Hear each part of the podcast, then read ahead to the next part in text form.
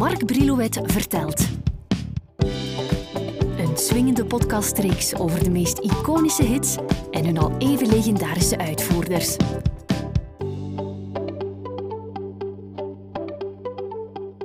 Je mag het gerust een afwijking noemen of iets van die strekking, maar als ik op zoek ga naar een hotel in het buitenland, dan let ik er altijd op of daar niet een of andere bekende artiest is gepasseerd. Zo trok ik ooit naar het Hilton in Amsterdam, omdat daar in de maand maart van 1969 John Lennon en Yoko Ono een bed-in organiseerden uit protest tegen de Vietnamoorlog. In 2001 sprong Herman Brood daar van het dak om een einde aan zijn leven te maken. En zo ging ik ook ooit logeren in het befaamde Parijse Hotel Georges V, waar Bob Dylan in 66 een tijdje verbleef en waar Paul McCartney twee jaar eerder voor de eerste keer zijn entourage had laten kennismaken met wat iets later de klassieker Yesterday zou worden. Oorspronkelijk verscheen Yesterday op de LP Help en was tevens de titelsong van een EP, een singeltje met vier tracks, die een jaar later werd uitgebracht. Het nummer in Engeland op single uitbrengen durfden de Beatles volgens Paul niet, omdat het te soft klonk voor een rockgroep. Het is ook een nummer waarin hij als solist optreedt en ze hadden vooraf afgesproken dat zij als groep naar buiten zouden treden, zeker in hun thuisland. Ook al klinkt Yesterday als een heuse love ballad, toch deed de werktitel aanvankelijk een andere inhoud vermoeden. Paul McCartney, die voor 90% verantwoordelijk is voor deze popklassieker, noemde het liedje in zijn broeifase Scrambled Eggs, een roerei, zoals we zeggen. Op een vroege ochtend werd hij wakker in de woning van de familie Asher aan de Wimpole Street in Londen. Paul die had in die tijd een relatie met Jane Asher. Haar broer Peter maakte toen deel uit van het populaire duo Peter and Golden. Hij had de melodie compleet in zijn hoofd. Hij bleef overnachten bij Jane en aan het uiteinde van zijn bed stond in de buurt van het raam een piano. Hij kon de melodie zometeen, eenmaal wakker, uit het blote hoofd spelen.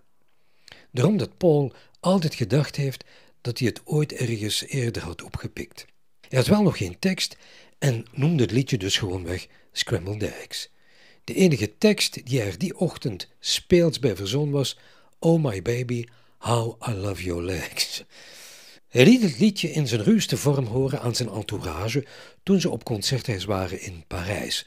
Tussen de 16 januari en de 4 februari van 1964 traden ze namelijk negenmaal op in de Parijse Olympia en verbleven al die tijd in het Hotel Georges V. Paul speelde toen al met de gedachte het liedje Yesterday te noemen. Paul ging van de 27 mei tot de 11 juni 1965 met vakantie in het Portugese stadje Albufeira. Hij was daar samen met Jane op vakantie en ze logeerden, want hij heeft me dat persoonlijk verteld, dus ik kan het zeker weten, in de villa van Bruce Welch van The Shadows. Ik bedoel, Bruce Welch heeft dat persoonlijk verteld, niet Paul McCartney. Op de terugweg naar de luchthaven en die rit die duurde 270 kilometer lang, schreef Paul met Bruce aan het stuur al tokkelend op een gitaar die hij van Bruce geleend had de volledige tekst van Yesterday.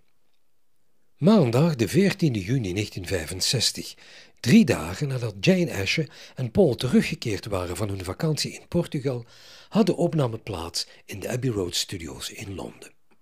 Je zou het gerust een soloproject mogen noemen, want nog John Lennon, nog Ringo Starr, nog George Harrison namen aan die opnamesessie deel, al waren ze wel aanwezig, want ze hadden net voordien gezamenlijk als groep de nummers I'm Down en I've Just Seen a Face opgenomen.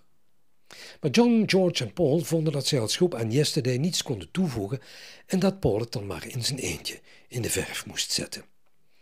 Wel werd er op aanraden van George Martin een strijkkwartet bijgehaald. Martin die had een klassieke opleiding genoten aan de Guildhall School of Music en die kon goed overweg met ernstige muziek. Paul had het nummer eerst ingeblikt met alleen een akoestische gitaarbegeleiding. Hij zag het dus niet zo zitten daar een strijkkwartet aan toe te voegen, omdat hij dat te klassiek vond. Maar uiteindelijk kon Martin hem toch overtuigen.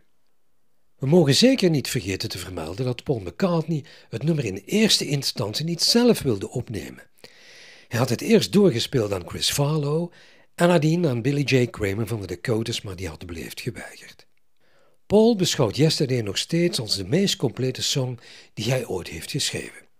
Het hoeft ons dan ook niet te verwonderen dat hij dit liedje altijd is blijven koesteren, ook na zijn Beatles-periode.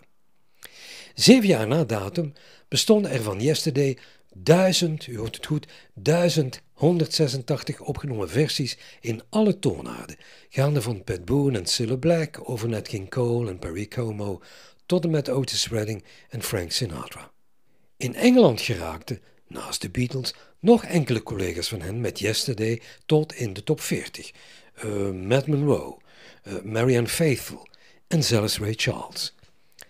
Minder bekend bij ons is de Franse versie die Hugo Frey meteen uitbracht als Je croyais. En in Nederland slaagden ze erin enkele dwaze versies op laten zetten. U mag die gerust vergeten hoor, maar ik noem ze nog even. Ria Valk, Ivo de Wijs, Chef van Oekel en niet te vergeten Rijk de Gooier. Door de jaren heen werd Yesterday met prijzen overladen. In 1966 had McCartney al de Ivan Novello Award in ontvangst mogen nemen voor deze compositie. Yesterday werd in Amerika uitgeroepen tot de meest favoriete song van 1965. Tussen het jaar van release en 1973 was het het meest gedraaide nummer op de Amerikaanse radio, meer dan 6 miljoen keer. In 1999 stond Yesterday bovenaan de lijst van beste songs van de 20e eeuw. En intussen werd de grens van 3000 coverversies ruim overschreden.